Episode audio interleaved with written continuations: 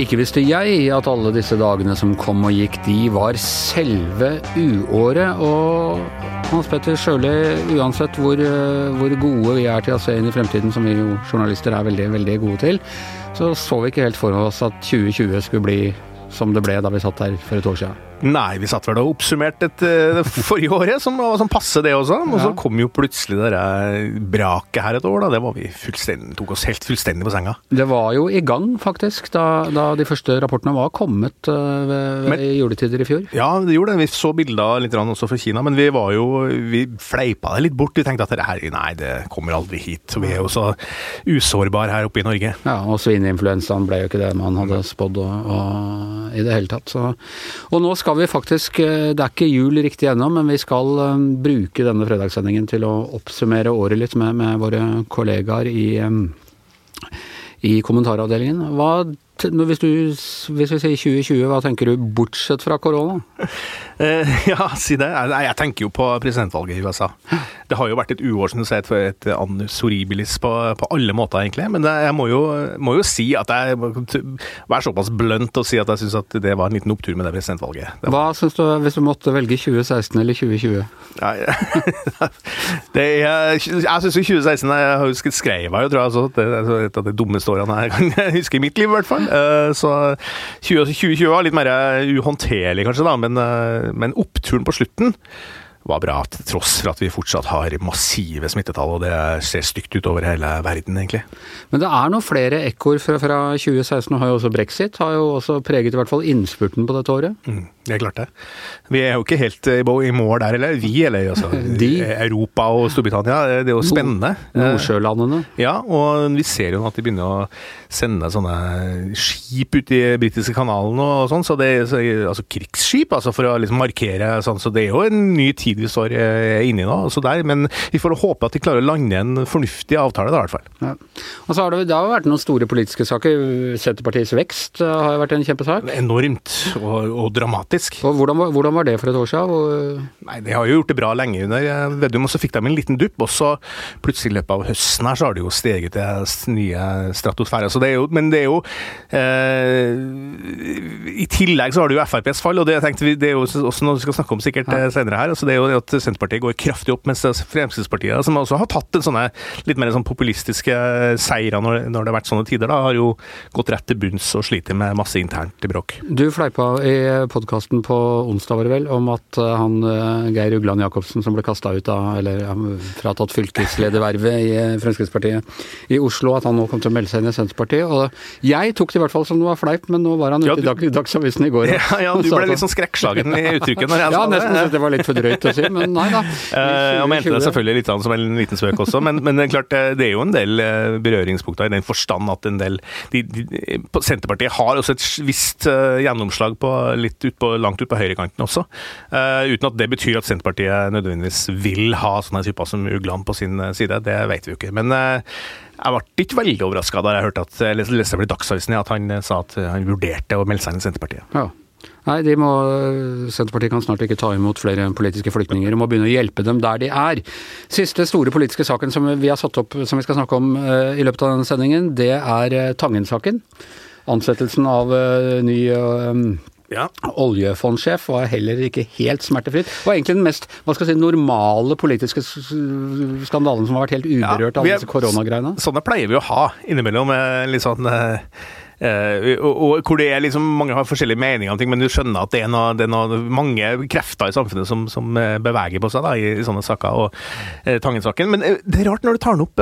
så tenk på, Vi, vi snakka litt på forhånd om vi skal snakke om forskjellige saker. Tang, den saken virker nesten fjern for meg nå. Ja, det, er, det er kjempelenge siden. Som skjedde i et ja. annet år ja. enn dette. En annen sfære. Den er ute av 2020-konteksten, på en måte. Skjedde et parallelt univers. Så, når historikere skal skrive historier om 2020, så vil de lage en sånn 2020 som en sånn, nesten som en boble ved siden av eh, resten av det som skjedde. da. Så Tangen-saken kanskje er ja, en del av en annen tidsånd, nesten. Men ellers så slår det meg når vi sitter nå bare og går gjennom alt det vi nå skal snakke om, at um, som vanlig når det er dårlige år for verden, så har det vært et godt år for journalistikken. Ja, det er et fantastisk år. Altså, Åtselsgribbene i pressen har ja. Vi er så fæle. og det, VG går jo, har jo veldig gode tider, selvfølgelig. Og, og, og den mediekrisa som alle har snakka om de siste årene, den ser jo ut til å snudd helt på hodet. For nå dukker det opp eh, lokalaviser overalt i hele Norge. Blant annet i min hjemby, eh, gamle hjemby Steinkjer, ja. som plutselig har fått en nettavis eh, på siden av de to andre avisene her. Så en liten by på 20 000 har tre aviser nå. Det syns jeg er ganske fantastisk. Og vår, eh, vår nåværende hjemby, i hvert fall min. Uh, Oslo har, jo også fått en, uh, fått en ja. uh, ny avis. Og det er jo litt trist også, fordi det er jo ja, litt lekkasje fra VG dit. Da. Vi har mista en av våre aller beste journalister dit, Eirik Mosveen. Ok, men da tror jeg vi begynner, Hans Petter. Og da skal vi aller først snakke med deg. Astrid Mæland. Hei, Anders. Grunnen til at jeg sier litt sånn, litt sånn, fjernt hei, det er at du er dessverre ikke med oss i studio i dag. En god del vil være samlet i studio for første gang på, på siden siden mars, men du er allerede dratt hjem til jul? Ja, jeg holder meg unna smittepølen Oslo. Det ligger vel folk eh, og plages i gatene der og kommer ikke seg inn på sykehus, er ikke sånn? Ja, jeg vet ikke. Jeg går med så mye sånne munnbind og briller og greier gjennom gaten at jeg ser, jeg ser ingen annen ting enn fortauet rett, eh, rett foran meg. Du tråkker i hvert fall over hvis det er noen som ligger på fortauet. Ja. Hva er de store forskjellene? Hva har liksom 2020 gjort med oss? Jeg vet ikke, Har du noe dopapir igjen i skapet, Anders? Akkurat dopapir, men det er en del av andre ting jeg ser det begynner å bli litt manko på. Ja, det var jo et år vi helt eh, endra på vanene våre. Det var jo fryktelig mange som slutta å jobbe, f.eks. Og arbeidsledigheten gikk opp eh, til 10% i mars, og det var jo over 300, ja, kanskje mest av 400 000 som meldte seg på, på Nav. Uh, og det ble jo på en måte en stor forskjell mellom folk som har jobb og beholdt jobb, sånn som oss som har trygge jobber, og folk som mista jobben, eh, som ikke har så mye penger lenger. og dem som, dem som har trygge jobber som oss, de fikk jo på en måte mer penger mellom hendene. og kan dra på tur til Lakselv istedenfor Lisboa osv. Det skjedde masse rart med, med vanene våre. da. Jeg har lest i hvert fall at i 2020 så gikk mynt- og tyggesalget ned fordi folk ikke var like opptatt av dårlig ånde lenger for de møttes jo ikke så mange. Og så var det jo det året som kommunene måtte begynne å klore drikkevannet ekstra mye, fordi at eh, det var så mange ute i marka, så det ble så mye bæsjing i marka, sånn at drikkevannet ble mer forurensa. Så gikk vel kanskje sånn type skjorte- og jakkesalget og sånn eh, og opp, fordi folk satt bare, mens buksesalget gikk ned, for folk satt bare på sånne møter og ble ikke sett fra Ja, ja og hunden ble jo utsolgt. Ja. Det var tomt for hund i butikken, fordi det var jo så mange som skulle ut og gå med tur med horn, og så begynte jo hele Norge å pusse opp. Boligprisene går opp fordi folk har magasinerer opp mer, mer penger. Det har hatt sånne litt rare rippeleffekter, egentlig? Ja, um, det som gikk bra, var, var vel det meste gikk jo ikke bra, da, men hengekøyer på sportsbutikker gikk jo, og sportsutstyr gikk jo kjempebra. Og alkohol, selvfølgelig. Det må vi ikke glemme. Det var jo det året der Østfold oppdaga at det fantes eh, pol, vinmonopol. De har jo bare handla i Sverige tidligere. Og det, og det, er jo en effekt av greiene her, at, eh, at Polet har jo hatt sitt beste år noensinne. Uh, og, og, langs hele grensa så har det jo nesten vært jubel. Ja, ikke på svenskegrensa sida, da. De har jo appellert til oss igjen og igjen om å åpne opp. Jeg tror Strømstad er en død by, for den lever vel stor grad av Det har vært lite jubel i Sverige i år i det hele tatt. Tror, tror, du jeg kan dra til hytta mi på Kreta, da? Astrid? Mm, ja, jeg tror det, men uh, Hvis ikke har Norin-karantene der? Men ikke uh, krev pengene tilbake hvis det er slik at du mista den billetten. ja, ja. Uh, Astrid, alt i alt, når vi har vært gjennom dette, har, det har selvfølgelig vært en, si, en, en læringsprosess, dette her. er vi bedre rusta nå hvis det kommer en pandemi om to år, eller er det sånn at nå har systemet fått et så kraftig støt at nå vil vi bare bli dytta fullstendig over ende av en til? Helt klart bedre rusta. Det har jo skjedd fantastiske ting i vitenskapen det året her. Ehm, det at vi har fått en vaksine, tre vaksiner som er så effektive, det tror jeg svært mange eksperter ikke ville ha trodd. Eh, ikke trodd eh, i januar, februar, mars. Og det var jo kanskje en av grunnene til at eh, flere støtta um, flokkimmunitetstankegangen da. For det kunne jo ta ti år før vi fikk en vaksine hvis vi var skikkelig uheldige. Det er jo det som er vanlig tidspunkt, eller tidsforløp for å lage en vaksine. Ellers, Astrid, er det, er det snø i Rindalen? Nei, det er grønt, dessverre. Stusle. Eh, jeg har kjøpt meg de kraftigste broddene som finnes på markedet, Anders. Ok, Astrid. Uh, tusen takk skal du ha. Jo, bare hyggelig. Og dermed har vi endelig fått gjest i studio igjen. Dette er Jeg får så god gammeldags 2019-følelse her, Hans Petter. Ja, det er herlig. Herlig å- Selv- herlig å se deg, Yngve! Takk. Selveste Yngve Kvistad, eller Jogte Kvistbe, som han også blir, blir kalt her, i- her i gjengen. Ja, Veldig godt å se deg, Yngve. Du ser Takk faktisk godt ut etter et Ja. år med korona, alt jeg får si. Takk i like måte, må si. Det går, eh, det går bra. Eh, Yngve, du har Vi har snakket om 20, Jeg spurte Hans Petter hva han syntes var verst av 2016 og 2020, 2020 her, og Tough choice, vil jeg si. ja, han ga et litt tvetydig svar. Du har jo også, fikk deg jo også et lite sjokk i 2016, men som du har profittert godt på sånn rent yrkesmessig, i og med at du har fulgt hele denne syke brexit-prosessen helt fram til nå, og den kulminerer liksom nå i disse dager. og mm, Kort oppsummert, hva er brexit? Brexit er den største katastrofe som har vederfart Storbritannia siden krigen. Det er det vil få langsiktige økonomiske konsekvenser som sannsynligvis er tre ganger verre enn pandemien. Ja, Det er dine ord her, selvfølgelig. Nei, det er ikke mine ord. Det er ordene til, og analysene til Bank of England, den britiske sentralbanken. Det er analysene til det britiske finansdepartementet. Det er analysene til den regjeringsoppnevnte uh, utvalget som, uh, som, Boris Johnson sjøl satte ned for å se på uh, konsekvensene av dette. Og det er tallene fra London School of Economics pluss en rekke analysebyrå holder jeg sagt, fra verden over. Så Det er ingen tvil om at, at brexit er, vil bli et enormt økonomisk nederlag for, for, Storbritannia, både på kort og lang sikt. Men det kommer, kommer litt an på hva slags type avtale, eller om det ikke blir en avtale i det hele tatt? Godt poeng, det er nettopp det. Uansett så snakker man om en reduksjon på Uh, altså på, på, minimum 2% bare, bare på neste år, på kort sikt. Og det er jo da uh, fall i BNP, uh, lavere levestandard osv. Men så er det jo da hvis man ikke får til en, en, en avtale, som da betyr at man heller ikke får en handels- og fiskeriavtale, da snakker man om helt andre tall, og de verste, de aller verste prognosene så måte, så da, vel å merke på toppen av, av, av pandemien, ligger jo oppimot 18% resesjon. Og det er alvorlige tall. Altså, jeg tror kanskje ikke at det blir så ille, men det er da sånn worst case scenario. Er britene sjøl klar over hvor dramatisk situasjonen egentlig er? Det er jo tydelig at de har begynt å bli det, da. Og det er jo litt sånn, unnskyld å si det, men det er jo litt latterlig. Etter fem år så begynner det å demre. Jo, men det er litt sånn latterlig at de begynner å oppdage det på sånne småting. Når de plutselig oppdager at hei, de må ha pass, de må ha visum. Ungene deres får ikke lov til å studere i utlandet lenger. De kan ikke dra på ferie hvor de vil. Eh, Kanariøyene, hoi, er bare å, å vente. Plutselig så har de oppdaga det at eh, pundet, hvis pundet synker, hva betyr det? Jo, det er masse ting som blir, blir dyrere. Uh, man snakker om en reallønnsnedgang som, er, som da treffer folk flest. Synkende boligpriser. Uh, og økende matvarepriser. Og så uh, har jo nå fått den nye X-faktoren, som er pandemien og medisin. Altså Hva vil det bety for innførsel av medisin nå når alle standarder, alle godkjennelser og sånt nå blir oppheva per første, i første 2021? Så det Og så hadde jo den litt sånn komiske greia der, var vel i The Times her for et par uker siden, hvor man oppdaga at det var litt vanskelig å få Det var problemer med innspillinga av neste episode av The, neste serie av The Crown. For han som da skulle spille prins Harry, var det vel. Måtte ha visum for å komme til England, og det, det lot seg det ikke gjøre sånn over natta. Men det er vel Torjan glad for, for de hater jo The Crown. ja. Etter, etter fremstillinga av Thatcher i årets sesong. Ja men, det, ja, men det er litt interessant, for det er sånn begge deler igjen. Og det kommer jo også på hvor hen i, i Torjepartiet du, du sitter. For at jo altså Jeg var jo veldig spent på hva Charles Moore kom til å si om, om The Crown og framstillinga der. For at han er jo den offisielle Thatcher-biografen. Han er også redaktør i The Daily Telegraph, som er da den mest regjeringstro og regjeringstro avisa i, i Storbritannia, altså Tory-tro. Han skrev at dette var den mest korrekte kunstneriske fremstillinga han hadde sett av Thatcher noensinne. Han gikk langt over Meryl Streep sin og sa at dette, dette er, det er noe sånn tulleting, sånn, men altså sånn holdninga, attityden hennes, sånn, den er, den er riktig. Men hvis vi sier at brexit er det verste som har sett siden krigen, kan vi si at The Crown er det beste siden Beatles?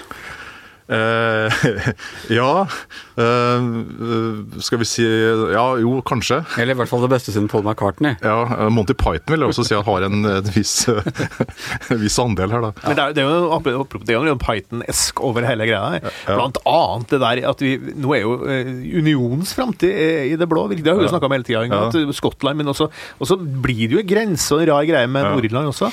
Og det er jo litt sånn morsomt nå, da, for den brexit-avtalen som Boris Johnson da begynte å spekkhogge på Theresa May for i sin tid. ikke sant? At å, ingen britisk statsminister kunne akseptere en, en grense gjennom Irskesjøen og sånn. ikke sant? Det var totalt umulig. The backstop. Ja, ja, og så det backstop og sånn. Og, og så viser det seg nå at den, den dealen de begynner å nærme seg, da, den, den er ikke bare lik uh, Theresa May sin, men den er, kanskje går enda litt lenger, da. Så, så ja, Vi aner jo ikke helt hvor dette lander til sjuende og sist. og Det er vel også ting som tyder på at selv om man får til en avtale nå, så må, må man kanskje sette seg ned igjen etter eh, 1.1 også, for at det er masse ting som skal videre på plass. da. Ok, så da er rekkefølgen på gode ting som har skjedd i England siden krigen, er øverst har vi Beatles, så er det Monty Python, og så er det The Crown. Ja. Hva med Oasis? Nei, ja, men 90-tallet generelt i britisk popkultur vil jeg si Tony høyt oppe. Ja, også Tony Blair, ja. Okay. To- Tony Blur? Kommer du deg til eh, England til neste år, tror du? Yngve? Det håper jeg, men jeg er ikke sikker, altså. Jeg er jo Kanskje Orkenøyene? Hebridene? Ja, sånn altså jeg ville jo veldig gjerne ha tatt en tur til, til Skottland, da. Men de har jo innført såpass strengt smitteregime at der kommer de jo ikke engang fra England, så det er jo virkelig tøft. Jeg tror vi kan konkludere med at vi skal en tur til Storbritannia. ja, Så skal vi- vi skal være globalist i disse vi- koronatider. Ja, vi må, det. Vi må på høsten altså. så må vi ta oss over, Ja. så skal vi gå fra pub til pubrunde i Edinburgh. Ja. Det er en avtale, gutter. Så når Ja. vi sitter her om et år, så skal vi fortelle om den fine pub-til-pub-runden vi hadde i Edinburgh, i, og vi satt der i hver vår kilt og koste oss. Avtale. Og mens Yngve sniker seg ut, så sniker du deg inn, Hanne. Eh, godt å se deg her i studio igjen. Jeg vet ikke om, lytterne helt merker det, men vi merker veldig godt det der å måtte sitte i studio igjen og prate sammen. Å, det er så god annet. stemning her, Anders. Ja, ja. Det er første, første smaken av god stemning på ganske lenge, faktisk. Ja, det er det. Og det er så deilig å se det på ordentlig. Deg har jeg jo sett av og til, Anders. Ja. Men deg, Hans Petter, har jeg ikke sett, tror jeg, siden Nei, i sommer, ja. Ja. Vi var vel ute en liten tur i sommer. Eh, Så har vi, ser vi jo hverandre daglig gjennom den litt triste dataskjermen, da. Men det er noe annet. Det er noe helt annet. Og 11. mars var det det. Det var altså siste dagen hvor vi alle var på, på kontoret og, ble sendt eh, hjem. Og Hanne, vi snakka om eh, Hans Petter og jeg, alt som har skjedd i, i løpet av det året. Alle de store tingene stort sett på en eller annen måte knyttes til korona. ikke sant? Trumps avgang, eh, alle sånne ting er lenket sammen. Men det er én sak vi føler liksom var i en egen boble, og som liksom egentlig tilhører et annet år. og det er Fordi det er en stor, men, eh, men eh, likevel så normal politisk skandale, nemlig Tangen-saken. Ja, og Det tror jeg kanskje gjorde at eh, journalistene ble enda mer ivrige etter å kaste seg over den saken, for da hadde vi holdt på med alvoret og koronaen og pandemien og nedstengning og, og så plutselig Alt hadde vært koronarelatert. Og så plutselig kom det en sak som handla om nettopp noe helt annet. Økonomi, oljefond, politikk. Og det var så deilig. Jeg tror vi alle opplevde det som en sånn befrielse, rett og slett. Men hvis vi skal kunne lenke den i det hele tatt til korona, kan vi si at grunnen til at, den, eh, at det tok litt tid før den tok av, var at øh, regjering og presse og alle hadde tankene litt andre steder da, da Nicolai Tangen først ble ansatt som ny øh, oljebanksjef. Da oljefondsjef. Absolutt, for da han ble utnevnt, det flagra jo litt forbi. Vi så det og tenkte hm, overraskende navn, interessant type. Og så gikk vi videre med koronaen, for det var jo det som det handlet om på alle vis. Og så var det noen reportere hos oss eh, som jobba litt sånn under radaren, og fikk nyss om dette seminaret. Som jo eh, ble døråpneren til hele Tangen-saken, som altså varte utover hele våren og sommeren. For det var jo det som ga det flavor, som det heter. Altså, den, den, du kan jo fortelle litt om det, men altså, den avsløringa av det der seminaret. Og så liksom fikk du Nicolai Tangen inn på Det var jo en ganske bra timing på hele prosessen her, som gjorde at det ble en svær sak. Ja, jeg må innrømme at jeg er litt usikker på om det hadde blitt en like stor sak. Altså, Substansen var jo den samme, med hans eierskap og kryssende interesser, men om saken hadde blitt like stor og spektakulær uten den åpninga, med det seminaret som VG avslørte, det har jeg tenkt mye på. Det er jeg litt usikker på. For der fikk vi da innblikk i på en måte en slags sånn internasjonal finansverden som egentlig er litt fremmed for oss eh, nordmenn. da. Ja, for Tangen hadde jo invitert en masse samfunnstopper, både venner og profesjonelle, og det var en salig blanding av ulike kategorier i hans liv som ble invitert på dette seminaret med, hvor de ble frakta i privatfly med restaurant og butler og, Og favorittartisten til Anders Giæver, Sting, spilte skal der. akkurat til å si det. Det viste jo også at disse finansfolka har jo ikke smak. Han hadde jo, han hadde jo bestilt Sting til underholdet. Han kan velge på øverste hylle av, av verdens artister, og han velger Sting. For det er det du syns er opprørende med hele Ja, det var Tangen-saken? da jeg mista tilliten til han. For vi var jo litt uenige om substans underveis, men akkurat det med Sting det gjorde at du også var litt opprørt. Ikke noe nei, annet, bare nei, det. Nei, altså, jeg, jeg er for så vidt glad for at de som skal stelle med pengene mine, ikke, ikke har filla peiling på pop, jeg, men uh, Det er jo greit. Men det vi jo var litt uenige om, det, det var altså uh, om det var mulig for liksom, Stortinget og alle å reversere en sånn uh, avtale mot en person som ikke hadde gjort noe galt, som hadde lagt alle korta på bordet og, og vist, så vidt jeg skjønner, åpenhet gjennom hele prosessen. Ja, og det, Jeg kommenterte jo denne saken mye. Eller var jeg som kommenterte den for VG og skrev veldig mange kommentarer vil jeg si, om det. Og da var jeg opptatt i, i alle de kommentarene nettopp å si at Nicolai Tangen selv har ikke gjort noe galt. Han har søkt en jobb, lagt alle kort på bordet, ingenting har vært ukjent. Men Norges Bank og Øystein Olsen er jo de som virkelig hadde rota seg helt bort. Ved ikke å se på habilitet, ved ikke å gå inn i disse tingene, ved ikke å drøfte det.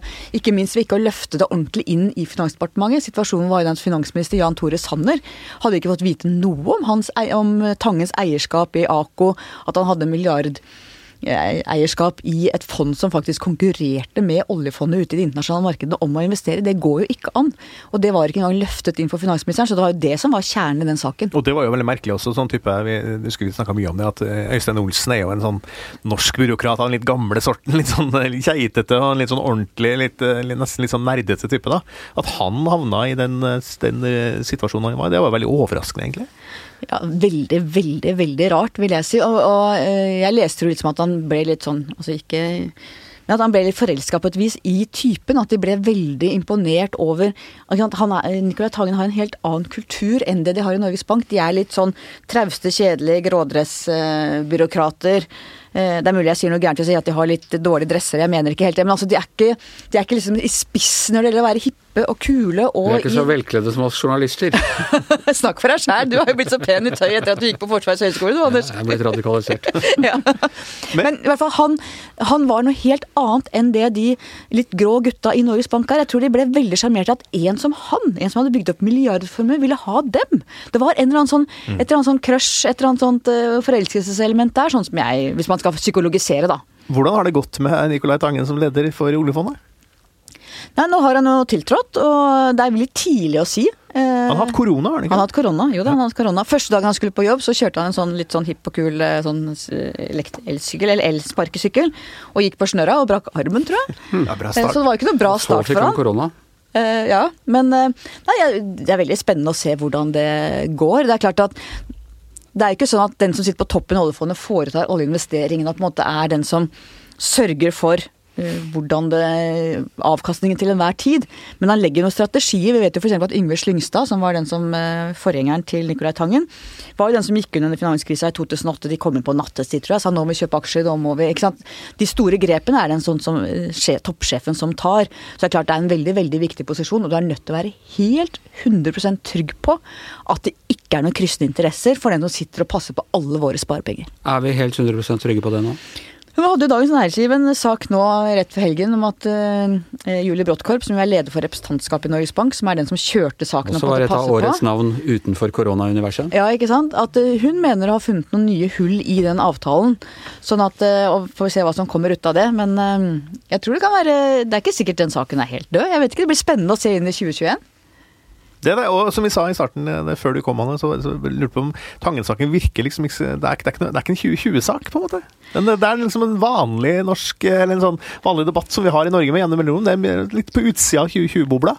Og det er jo derfor, det er jo noe av det som gjør at den er så deilig òg. At det har vært så, det er så mye som har handla om korona, pandemi, nedstenging, økonomi. Alle disse tingene hvor det bare blir helt sånn åh, Det er jo veldig nedtrykkende. Mens denne saken er, som du sier, Hans Petter, ordinær journalistikk. Så det var liksom pusterommet vårt, kanskje, da, i 2020. Ja, Et godt år for journalistikken med en liten ekstrabonus da på, på Tangen-saken. Tusen takk skal du ha, Anne. Men når vi da skal tilbake til de mer normale delene av nyhetsåret, hva vil du si har vært størst av Trump og korona, Hans Petter?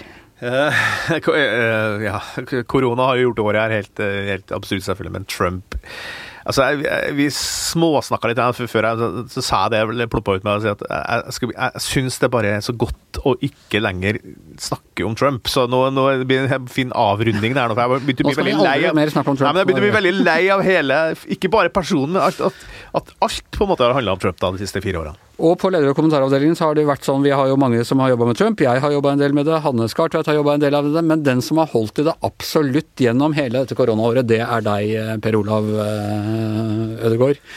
Hva føler du nå? Nei, det har vært en fornøyelse å holde i det gjennom dette året. Det har jo skjedd så mye at det har vært hele tiden noe å skrive om, og det er ikke slutt ennå. Nei. Vi er altså da øh, nesten i mål med å ha skifta øh, president øh, i USA. Trodde du det for et år siden, at han ville bli skifta ut? Nei, for et år siden trodde jeg ikke det. Eh, Og jeg trodde det ikke etter at han ble frikjent i riksrettssaken i eh, januar. Det var kanskje ikke så overraskende, republikanerne har flertall i Senatet, men likevel. eh, Økonomien gikk godt. Han hadde kommet seg ut av den floken. Og det er jo sjelden USA kaster en sittende president som søker gjenvalg. Og så så vi også faktisk i begynnelsen av koronaepidemien, selv om han håndterte det særdeles dårlig og hadde sagt at han skulle forsvinne til sommeren og sånne ting, men den første tiden så steg han faktisk og var på det høyeste han har vært på de der approval-ratingene gjennom hele sin presidenttid.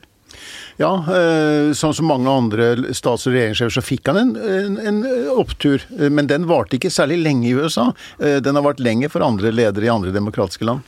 Det kan ha med håndteringen å gjøre.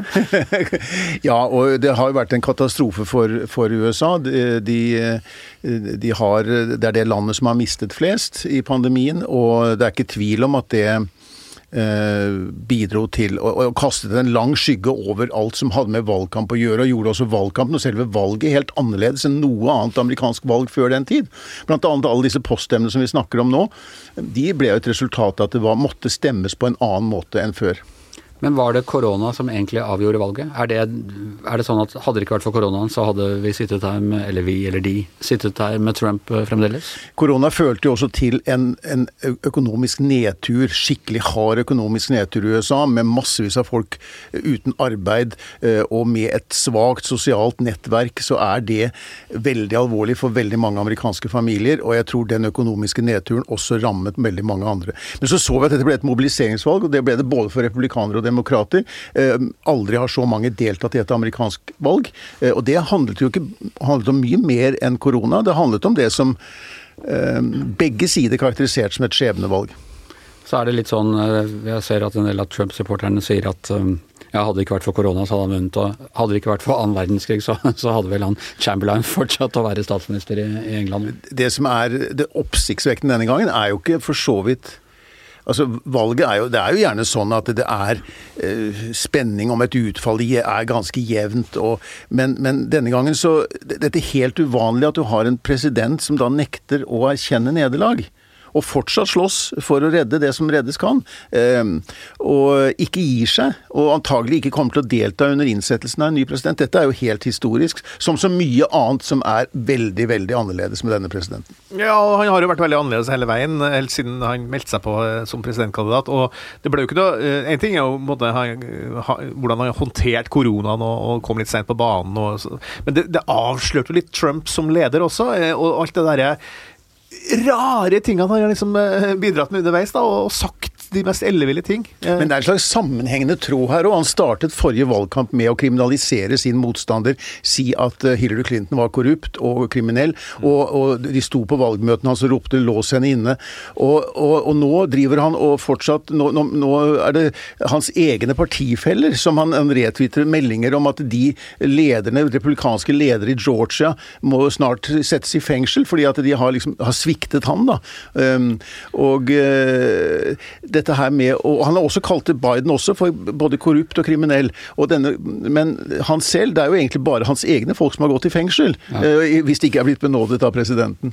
Men det er jo det som har skjedd etter valget. Jeg, må bare, jeg, må, jeg kan si det. Altså, da det ble eh, klart at Biden vant, så, så ble jeg litt letta over det. Fordi, av ja, forskjellige grunner, men også, men også fordi jeg syns det, det, har vært så, det har vært så mye støy. Det har vært morsomt å være journalist, men det har også vært så mye rart, så mye støy.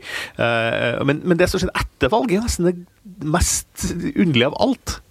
Ja, Men uventet var det ikke. Det var han det hadde jo varslet det i god tid. Han sa at han kunne ikke tape et valg hvis det, det bare hvis demokratene jukset, ville han tape, kunne han komme til å Men også etter eh, valgmannsstemmene er telt opp, så, så står han fortsatt og sier at det er rigga.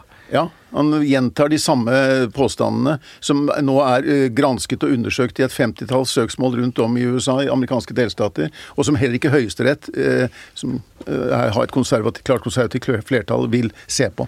Jeg så en overskrift i New Yorker om at Mitch McConnell hadde nå vært ute og, gratulert Armstrong som førstemann på månen, men så skjønte jeg at det var en fleip over at han var så seint ute med å gratulere Biden. Ok, helt ferdig med Trump, det er vi ikke. Vi skal helt sikkert snakke om han til neste år òg, tror du ikke det? Helt sikkert. Vi, vi får se. Nå, en, nå, skal en ny president innsettes 20.1. Ja. Kan ikke vi slutte å snakke om henne etter det, da?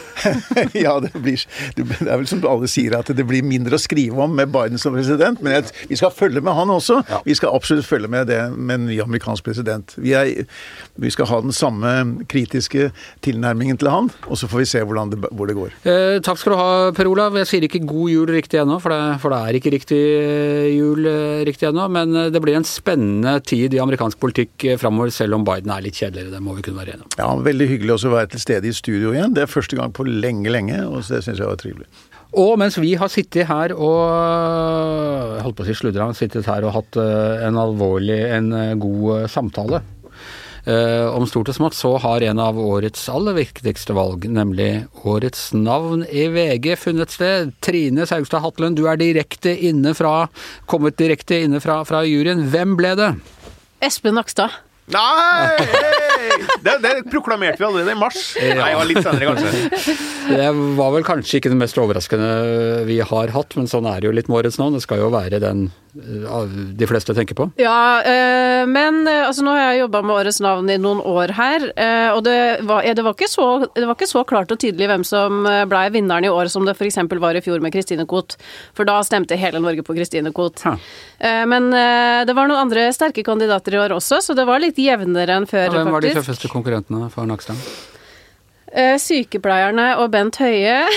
altså, det, var mye korona. De var ikke altså. sammen, går jeg ut fra? De var i hver sin hver kohort? Ja, ja, hver sin kohort. Uh, men uh, det, jo, det, er jo tydelig at folk, hva folk har vært opptatt av i 2020, så er det liksom koronaen som har vært det aller viktigste, da, siden lista var toppa av på en måte koronanavn, da.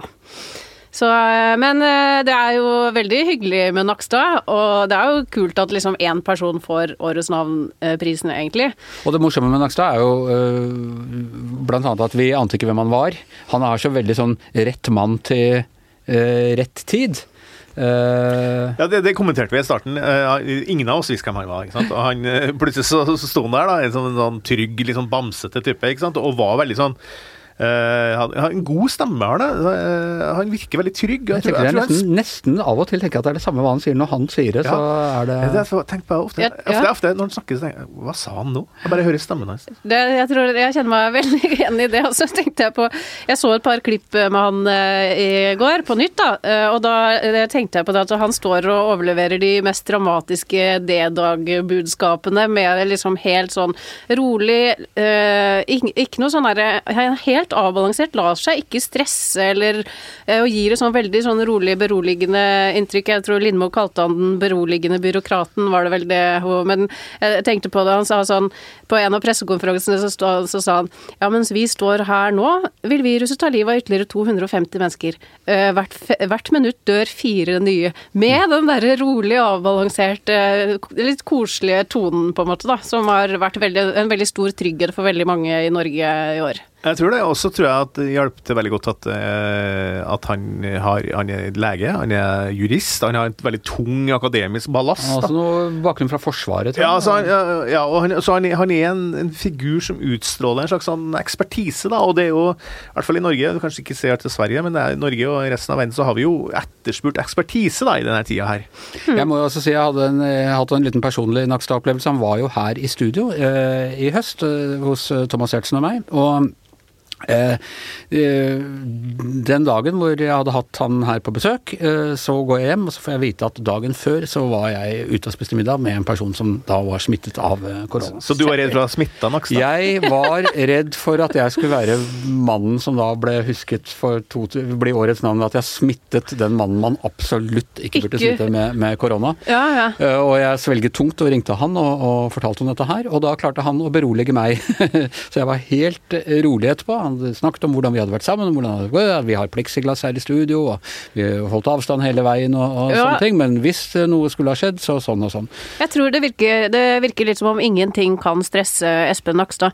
Eh, Han er, han er jo overalt og prater. Han har jo vært eh, Altså, han stiller jo opp overalt hele tiden. Jeg så til og med forrige helg eller når det var, så var han, hadde han til og med tatt seg tid til å være gjest i NRK Sportens vinterstudio, hvor han var der og snakka om langrenn, for han har jo bakgrunn som langrennsløper Litt også. overraskende at han ikke dukket opp som vinner av Maskorama, syns jeg det eneste, eneste som mangler. Tenk deg så tok av maska, så liksom kommer den rolige tonen. Ja, Altså. ja, ja. Det er, Ikke akkurat Jan Thomas. Hva tror dere om han eh, nå videre? Hvor øh, Vil han da forsvinne igjen med, med koronaen? Eh, Sånn han, han var en mann som steg fram som en sheriff i high noon eller et eller annet sånt ting, og så rir inn i solnedgangen, eller, eller eh, Nei, skal- vil han nå gå videre i Jeg leste jo at han, han har jo faktisk klart å skrive en bok i år også. eh, Som skal, som skal utgis neste år. Hvordan har jeg klart det, det må jo gudene vite. Men nei, jeg tror at eh, Dikt? Roman? eh, Nei, en bok om korona, selvfølgelig. Men jeg vil jo tro at, han, at vi her ser en person som kommer til å være ganske tydelig i Norge i mange år framover. Kunne han ikke Kunne bare begynt å tenke på at kanskje han kunne vært noe for politikken? Jeg vil tro det. Hva, hvilket parti eh, Det er det jeg, jeg sier som Flettfrid pleide å si om, om eh, Geir Helgesen i NRK. Han har et vidunderlig upolitisk glimt i øyet. Kan han være mannen som skal redde Arbeiderpartiet? Ja, nei, altså, vi, vi får se på det. Men han er jo Han rykka jo opp fra eh, egentlig bare en, eh, var vel en slags avdelingsleder, et eller annet sånt, og så ble han Fungerende. fungerende assisterende, altså fungass, Fungas, Fungas. han ble jo kalt bare Fungas, Ja. til å bli assisterende helsedirektør. så og han som sitter her nå, er jo begynner å bli ja, oppi årene. Gullvåg jeg har også gjort en veldig solid eh, innsats, syns jeg, i året her. Vært, eh, Det har jo vært et år og- hvor Camilla Stoltenberg eh, altså, og, og Bent Høie har jo også alt i alt kommet eh, godt fra dette, Men og statsministeren. Men jeg vil si det, det Nakstad er noe som viser hvor bra det norske byråkratiet også Det er nettopp noe med det. Ja, det er altså, du du, du tenker at skattepengene dine blir brukt ganske bra. Tusen takk skal du ha, Trine. Veldig hyggelig å ha deg her i, i studio igjen. Veldig hyggelig å være her og se dere i levende livet. Dere lever. Vi satser på at det blir mer av det i eh, 2021. Og da er det deg, Tone Sofie Agling. Godt å se deg. Ja, takk i like måte. Tilbake her i i studio. Lytterne må ha stundsløk. Vi blir litt rørt vi, er, av å sitte her i studio med, med alle sammen igjen. Rørt og opprømt. Rørt og opprømt. Ja. Kanskje det er fordi at du drikker VG-kaffe også, Anders? så det blir litt, eh, Den der er VG-kaffen hadde jeg glemt hvor kraftig er, men den gir deg liksom litt sånn eh, ekstra omp. Og det kan være en fordel når vi har så kort tid til alle temaene. Og Jeg må si jeg er mye jeg savna med å være på kontoret, men akkurat kaffen har jeg ikke savna. Nei, det er ingen grunn til. Eh, men den kan være en fordel når man skal oppsummere hele politiske året på fem minutter, slik du, skal, slik du har fått eh, i oppgave nå. eh, Tone Sofie, hva Altså, jeg tenker litt, uansett hvor mye katastrofer og, og sånn som skjer rundt i verden, og Trump og korona og sånne ting, norsk politikk blir på en måte Det er en av de store tingene hver gang vi skal oppsummere et år. Ja, og vi tror jo egentlig at det her året har vært ganske begivenhetsløst. At alt har handla om korona og hvor mange man kan være rundt bordet på julaften og sånn. Men det har jo egentlig vært et veldig dramatisk eh, politisk år. Og vi innleda jo året med en skikkelig regjeringskrise, som egentlig få trodde noe særlig på. For vi har jo liksom hørt Frp true med å gå ut av regjeringa så mange ganger at når de liksom eh, roper ulv, ulv, så kan det liksom ikke skje. Men jommen meg skjedde det i vinter at Frp forlot regjeringa.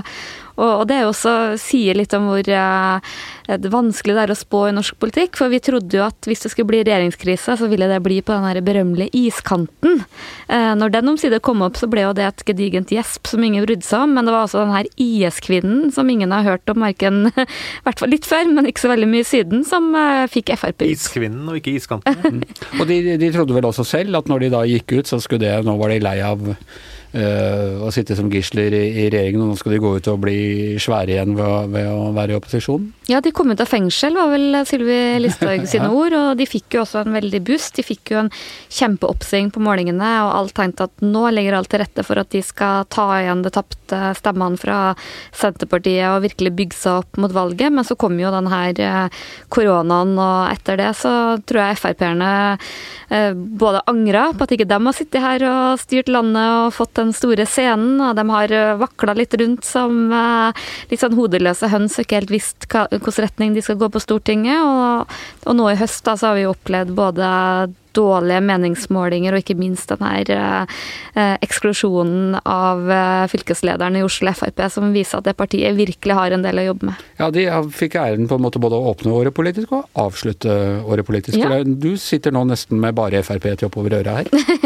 Jeg gjør det, og eh, noe sier meg at det også er kanskje en sak vi kommer til å dra med oss inn i det nye året. Men de som har profitert på at det har gått så dårlig med Frp, det er Senterpartiet. Ja, og, og det òg viser hvor dårlige spåmenn vi er. For vi trodde jo også det at eh, med korona og økonomisk krise, så, så var det noen som ville tape. Det var de partiene som var opptatt av sånn klima og distriktspolitikk og litt mer sånn særinteresser. Mens de som ville vinne på det, det er liksom de her store styringspartiene som har høy troverdighet på økonomisk politikk, styring av landet, helse, f.eks. Arbeiderpartiet og Høyre. Eh, Høyre går det jo relativt greit med, men eh, nå fikk vi jo se for første gang eh, på målinger eh, i høst at eh, Senterpartiet faktisk er større enn Arbeiderpartiet. Og plukker både sentrale tillitsvalgte, Jan Bøhler, og velgere, og det er vel nesten ingen som aner hvor det her skal ende. Nei, og Senterpartiet, eh, nevnte Senterpartiet gjorde det jo veldig bra i fjor. altså eh, Under Vedum, og det var stort også. liksom ble det litt sånn, ikke nedtur, men det, det stoppa liksom opp den veksten. Så Så plutselig i høst har det jo vært helt uvirkelig å se hvor bra Senterpartiet har gjort det. Ja, de har eh, liksom gått litt grann i etapper. De var jo nesten opp mot 20 eh, i fjor høst eh, på den tida her. Så trodde man jo liksom at korona det var ikke bra for dem. Men så har vi sett at det er jo, de har bare fortsatt veksten. Det er Vedum som er den virkelig store opposisjonspolitikeren på Stortinget. Han Og han er med til og med i Maskorama. Ja, og det showet har jo virkelig slått alle rekorder i eh, seerunderholdning, og Det er fordi det har vært sånn maskeår generelt. Men er det men det er genialt av Vedum å være med på sånt. At han er så åpen og eh, sånn tilforlatelig type. Ja, og jeg snakka med han her om dagen, og han får jo veldig mye tilbakemeldinger fra vanlige folk. Og man får jo vist fram eh, eh, nye sider, men det er jo kanskje det som kjennetegner litt han som politiker at han er eh, eh, er jo ganske skamløs, gjør sånne ting som du aldri kan se andre opposisjonspolitikere ville ha nedlatt seg til. F.eks. det der stuntet med å stille opp i Norwegian-slips, og han kommer i spørretimen med bunad og gjør liksom det han kan for å eksemplifisere. Det var også i år at eh, Trond Giske eh, prøvde seg på nok et eh, politisk comeback, og det gikk ikke så bra. Ja, Det er det tredje eksempelet på at vi kommentatorer egentlig bare kan pakke sammen og, og bli arbeidsledige, for heller ikke det gikk helt som vi hadde spådd. Det var liksom alt lå til rette for at eh, Trond Giske skulle få sitt eh, virkelig store comeback i norsk politikk. Han var eh, på full fart til å bli ny fylkesleder i Trøndelag, Arbeiderpartiet. Er et veldig viktig fylke. Enstemmig innstilt fra valgkomiteen. Det var mye surmuling rundt omkring i landet, men man trodde at han hadde Trøndelag i sin hule hånd. Så skjedde det som jeg tror nesten ingen forutså, at han ble felt av sine egne. Det var AUF i Trøndelag som AUF i Trøndelag, altså hans eget liksom, hans egen base. Ja. som uh, Det kom jo fram flere ulike historier som ble fortalt uh, rett fram mot eh, fylkesårsmøtet, som endte med at AUF trakk sin støtte, og at han eh, rett og slett, som han alltid gjør, trakk seg i siste liten, og også nå virker som han sier at nå er det eh, game over. Han eh, trakk seg også til stortingslista, og nå tror jeg det her er en historie som ingen egentlig helt har fortalt hva som egentlig skjedde. Men Kanskje nå får skal du fortelle den. den nå. Ja, det tror jeg faktisk ikke jeg kan, men eh, jeg tror nok vi kommer til å få høre mer fra Trond Giske, men at han er ute av Arbeiderpartiet på en god stund, det er vel åpenbart. Men når du antyder at det er en annen historie, er det mm, ting vi ikke vet hva som har skjedd, eller er det at det lå et, et sånn politisk element her som vi ikke helt uh, fikk fram i eh, Det ligger alltid mye element, men det som skjedde fra Trøndelag AUF, eh, både ikke bare har støtta han, men også kjempa for han, eh, det var ikke mange dagene før at sentrale personer var veldig utålmodige på at nå må, nå må kritikken forstumme og Trond Giske må endelig bli valgt, til at hans eget fylkeslag så til de grader snudde. Det har jo skjedd ting der, og, og den historien er ikke fortalt. eh, Og jeg tror mange sjøl lurte litt på hva var det egentlig som skjedde nå. Hvem tror du kommer til å fortelle den historien? Nei, vi får se. Kanskje er det hovedpersonen sjøl, men eh, det er akkurat det tror jeg ikke. Du, vi må bruke de siste minuttene også litt på å se framover. Det er stortingsvalg til neste år. Ja, endelig noe gøy. Endelig noe gøy. Er det, blir, det, blir det statsminister Vedum? Du må jo passe på, for du, du, du har sagt så flere ganger at vi, vi må slutte å spå, for vi tar jo alltid feil. Ja, kan si, det, motsatte du tenker. eh, hvis det er det motsatte av det jeg tenker, så ja, da blir det statsminister Vedum. Ah, ok, så du tror ikke det blir Vedum? det det blir? Det er for mange dobbeltbundne ironier, eh, ironier. Men du tror ikke det, det blir det? Nei, jeg tror ikke det. Jeg tror eh, hvis Senterpartiet får for mye søkelys på sin politikk, og at han får for mye oppmerksomhet og blir ansvarliggjort, jeg tror ikke det nødvendigvis eh, eh, tjener han på gallipene. Jeg tror han eh, har best av å være i en utfordrerposisjon, men jeg tror kanskje det er mer eh, alvorlige for han er at eh, han er ikke samlende nok for venstresida. Eh, At det blir en mindretallsregjering med Arbeiderpartiet og Senterpartiet med Vedum som statsminister, har jeg veldig vanskelig for å se for meg at Arbeiderpartiet eh, vil akseptere. Men som jeg ikke har lagt skjul på, jeg har tatt feil før, så vi kan godt hende at vi om et år sitter her Alle og snakker her om den nye statsministeren. Alle her er fulle av feil og, og skyld. Men jeg må si det er interessant det du sier når du sier venstresiden nå, for vi snakket jo med, med Erna Solberg her forrige uke. Hun er veldig opptatt av ikke snakke om opposisjonen, men venstresiden. Og, og si at han da jeg, jeg legger meg ikke borti hvem venstresiden vil ha som statsministerkandidat. Og det trøkket kommer til å komme enda kraftigere i året, året som kommer. Ja, definitivt. Vi har jo snakka alltid mye om borgerlig kaos, og det, hun har nok å ordne opp i på hjemmebane, Erna. Så det, det er ikke det. Men uh, utfordringa med det Senterpartiet vi ser nå, er at de appellerer veldig til en del eh, borgerlige velgere og lagt seg uh, til høyre en del av disse mer sånn verdisaker, innvandring, en del sånn. Og det gjør det nok vanskeligere å svelge for SV og MDG og de andre partiene som de kanskje kan bli avhengig av eh, for å få et eh, rød-grønt flertall. Vi må få deg til å spå litt mer, siden du er så god til det. Eh, Klarer Venstre og Kristelig Folkeparti å holde hodet over vannet eller sperregrensen? Jeg tror kanskje det. Altså, sånn som det ser ut nå, så tror jeg MDG har større problemer, men, men KrF begynner å få det travelt.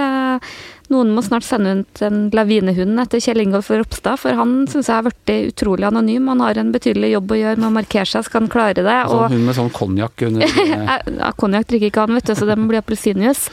Men eh, for Venstre sin del så er det så uforutsigbart. De, de lå jo like dårlig an foran valget, og de skal være heldige med en valgkamp og sånn. Og det er i hvert fall veldig mye harmoni i Venstre nå. De det blir alltid redda av Bærum Høyre, de som stemmer Venstre siste. Bærum Høyre to the rescue. Ok, det blir et fantastisk år i denne podkasten neste år. Vi er, stortingsvalg er det vi liker aller best eh, i, i denne gjengen, og vi kommer til å gå Trodde dere likte Trump best, da. Men Hva?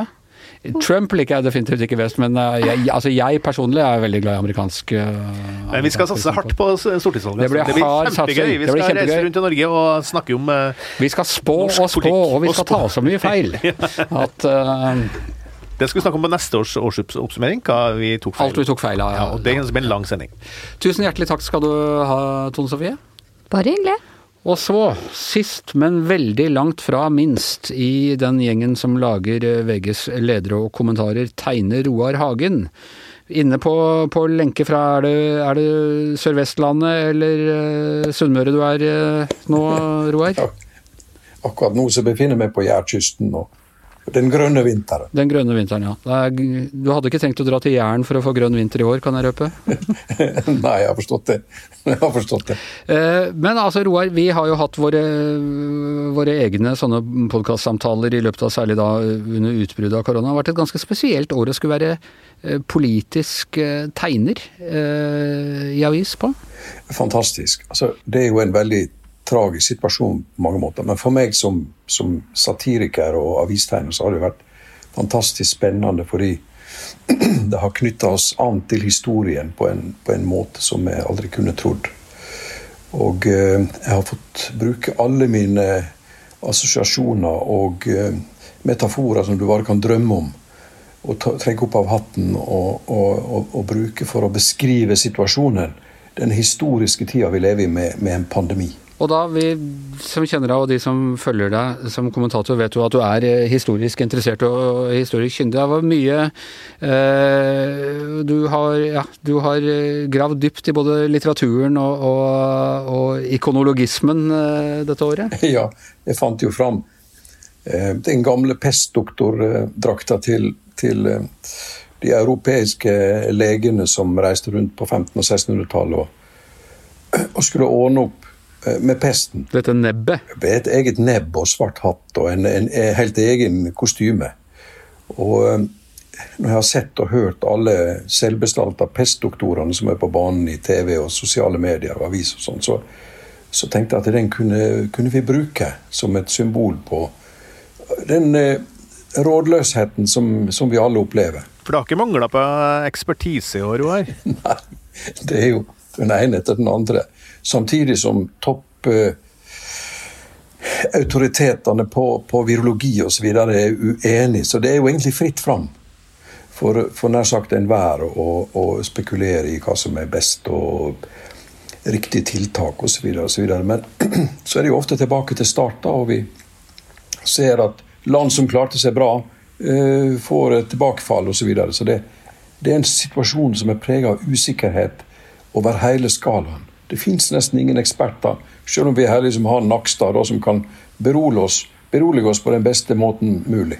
Har du, du, har også grepet til mer eh, norsk kulturhistorie med, med Kittelsen og, og, Pesta? Ja da, jeg føler jo at uh, kunsthistorien den, den, tilhører menneskeheten, og, den bruker jeg. Og jeg syns det er veldig spennende å kunne gjenbruke kjente motiv for kunsthistorien, både internasjonalt og i, og i Norge. Og, og Kittelsen er, har vist seg å være evig aktuell. Du, en annen, altså andre store nyhetssaken, Trump, der har du også laget altså man, man, går inn i sånne Roar Hagen-universet i dine tegninger. Og, og, Trumps drama det har stort sett uh, utspilt seg på golfbanen. Ja. For meg er jo han en, en slags sånn Shakespeare-skikkelse som er fanga i sitt eget i sitt eget spill og i sitt eget nett og uten å komme ut av det. Det, det høres litt rart ut, men jeg har jo litt sånn hjerte for Trump på den måten at jeg tenker på barndommen og rikdommen og makta som han fikk osv. Så, videre, så det er nesten litt sånn skjebnetungt. Så han skal håndtere da med sine spesielle kvalifikasjoner og mangel på. Eh, så må det jo gå som det går. og Jeg er veldig fascinert. Eh, men jeg syns jeg klarer best å uttrykke hans situasjon og karakter gjennom å underspille. Fordi jeg har lagt merke til Det altså, det har ikke mangla på groteske karikaturer av Donald Trump i, i, de siste fire årene. Du har tegnet ham relativt nøytralt, en liten sånn, nesten sånn eh, unnselig liten mann, men du har gjort ham veldig mye tjukkere enn alle de andre gjør ham. Du har tatt igjen på fedmen uh, mer det du ikke har tatt ut i sånn uh, grotesk karikatur. Han er jo litt, uh, litt fyldig over hoftekammen, som, som mange amerikanere er. Så det, det, er jo så, men det av og til så, så er det slik at altså det fravær, eller som heter på amerikansk 'absence', som uttrykker en sak best. At du kan, du kan gi et rom for å forestille seg dette, altså sette leserens eh, blikk, da. At hvis jeg skulle hamre løs på noe som allerede er en karikatur, det, det blir det, det, bringer ikke forståelsen framover, føler jeg. Men hvordan, når du, når du jobber fram en sånn metafor da, som du gjør med alle for Trump, så ble det golfen. Hva var det med golfspillet og golfspilleren Trump som gjorde at det ble en sånn uh, metafor som du hang deg opp i veldig tidlig? Det er jo en arena som også for nordmenn begynner å bli kjent med, med flere stjerner og Tutta og Hovland osv. Så, videre. så det blir en ganske god sport, stor sport. så det er brukbart som en felles metafor etter hvert. I gamle dager var det ingen som skjønte reglene i golf. Nå er det jo populært her også. Jeg tenker at det kan være en arena der vi kan arrangere, orkestrere problemstillinger som forteller om Trumps situasjon og det spillet som han er en del av. da, og å bedrive. Jeg må si, Du har mange gode tegninger i løpet av året som gått, men den der hvor, hvor, eh, hvor, det kommer en sånn diger amerikansk towing truck og tauer bort golfbilen til, til, Trump fra banen, den syns jeg kanskje er, liksom, er en av de mest sånn presise oppsummeringene eh, man har fått. Og det er også i, i, i din liksom, måte å lage en slags tegneserie eh, på. Da. Jeg husker den der gangen da, da, da Stoltenberg tapte valget og du hadde tegna ham i drosje gjennom hele valgkampen fordi han hadde laga noe sånn PR-jippo med å kjøre drosje. Og til slutt så sitter, sitter han der med nakkestøtte og kjører drosjen, og, og Erna kommer inn og setter seg i baksetet og sier 'kjør meg til Slottet'. Du liker å lage litt sånne eventyrfortellinger? Ja, altså å være kommentator, det er jo også en slags storytelling. Og hvis jeg kan bygge opp eh, historier som, som, er gjenkjennelige, og som utvikler seg, så syns jeg det er en veldig spennende måte å, å jobbe på. hvis det så framt det er mulig å få leseren med på det. Og eh, så, så jeg syns det, det, er fint å ha en indre sammenheng. Eh, og forankre det i en, i en, i en story. Og så er det jo hvorfor golfbanen? Det er jo, det er jo fordi at han er besatt av golf. ikke sant? Når han ikke styrer landet, så Han spiller vel mer golf enn han styrer landet. så det var jo liksom naturlig å assosiere seg fram til at kanskje golfbanen var eh, det rette arenaen og scenografien for å framstille Donald Trumps karakter. Eh, Roar, du, er veldig opptatt av Sverige, vårt naboland, eh, på forskjellige måter. Du, i, i, dag så har du tegna eh, Tegnell som et utdrag fra, fra eh, Ingmar Bergmans filmer, ikke sant. jeg, jeg har lyst til å spørre deg om det, Roar. Det har vært et veldig mørkt år for, eh, for våre kjære naboer her? Ja, vi elsker jo alle Sverige og det svenske og, og Lill Lindfors og, og, alle sammen, ikke sant? Og Astrid Lindgren. Det jo, ja, og Saltkråkan. Og det er jo en del av vår oppvekst og vår, vår klangbunn. Så det er veldig vondt å se det som skjer i Sverige. At de skal komme hendene på en epidemiolog som skal kjøre sitt eget opplegg, og de gamle dør i hopetall på sykehjemmene så, er, så jeg at eh, til og med Löfven innrømmer at de har ikke klart å beskytte de gamle. og, det, som, det, vi ser, er at en, en, svakhet i samfunnet blir veldig synlig gjennom pandemien. Så det går veldig, veldig inn på meg. Og, og, så har jeg jo familie i Sverige, så jeg følger jo selvfølgelig veldig nøye med på hva som skjer der. Hvis du skulle sett inn i spåkula for neste år, eh, Roar, vi har sittet og snakket mye om hvor feil vi tar vi kommentatorer, så, så ta det for hva det har vært. Men hva, hva, tror du du kommer til å tegne mest i året som kommer? Uh, du vet, Joe Biden, nå er jo han valgt, men, og han er jo en, sikkert en fin fyr, men han er jo litt sånn onkel Lauritz for meg. da Jeg forventer ikke så mange skandaler. Og, og sånn, så det, det blir kanskje mindre USA, da. Blir mer som pappa Bush, liksom? Ja. Eh, det kan jo selvfølgelig skje ting der. Han kan bli sjuk, og mange ting kan skje. Men jeg tror at det vi kommer til å forholde oss til, det er koronaen et halvt år. Og så er det post-korona, eller etter koronaen, hvor alt skal i gang igjen. Og du skal skru på knappene og maskinen og økonomien. Og folk skal summe seg og finne sin nye plass i tilværelsen. Det er spørsmål hvor mye som er endra. Eh, hvor mange blir sittende på hjemmekontor og og nekta å rikke seg osv. Jeg tror mye av, av, tegningene mine i hvert fall vil handle om hvordan vi skal håndtere koronaen og overgang fra korona til en slags normaltilstand. Kommer du til å tegne Erna Solberg som drosjesjåfør og Vedum som sitter i baksetet og sier 'kjør meg til Slottet'? Ja, det kan jo godt hende. Det, det er veldig oppsiktsvekkende det som skjer i, i norsk politikk på det er ikke noe artig det som skjer med Fremskrittspartiet, men det som skjer på venstresiden, og den nye koalisjonen der, hvis den fins, eh, det blir utrolig interessant å følge med på. Og hvis Vedum nå klarer, hvis han ikke bare er for tidlig i form å falle ut det har, vi, det har vi jo sett i politikken før, men hvis han klarer å opprettholde nivået sitt, så er det jo en helt ny rød-grønn koalisjon vi, vi må forholde oss til. Og det kan bli veldig spennende. Ok, Roar. Eh, tusen takk. Vi hadde deg dessverre ikke i studio, eh, men til neste år så skal du også tilbake i studio her. Jeg håper jo det. Ha en riktig god juleferie, og så snakkes vi til neste år. I like måte. God jul og hjertelig takk. Og med det så er da Gjever og gjengens årsoppsummering slutt. Vi kommer til å fortsette med noen sendinger til, til neste år. Da er det du som eh, holder jula i gang, Hans Petter? Ja, før jul i hvert fall. Et par dager før jul. Og, uh, mens jeg tar uh, juleferie. Uh, tusen takk til Tone Sofia Aglen, Hanne Skartveit, Astrid Mæland, Yngve Kvistad, Per Olav Ødegaard, Trine Saugstad Hatlen, Hans Petter Sjøli. Jeg heter Anders Giæver, og hadde vi kåret årets navn her i Giæver og gjengen, så hadde det selvfølgelig blitt produsent Magne Antonsen. Vi høres igjen til uka.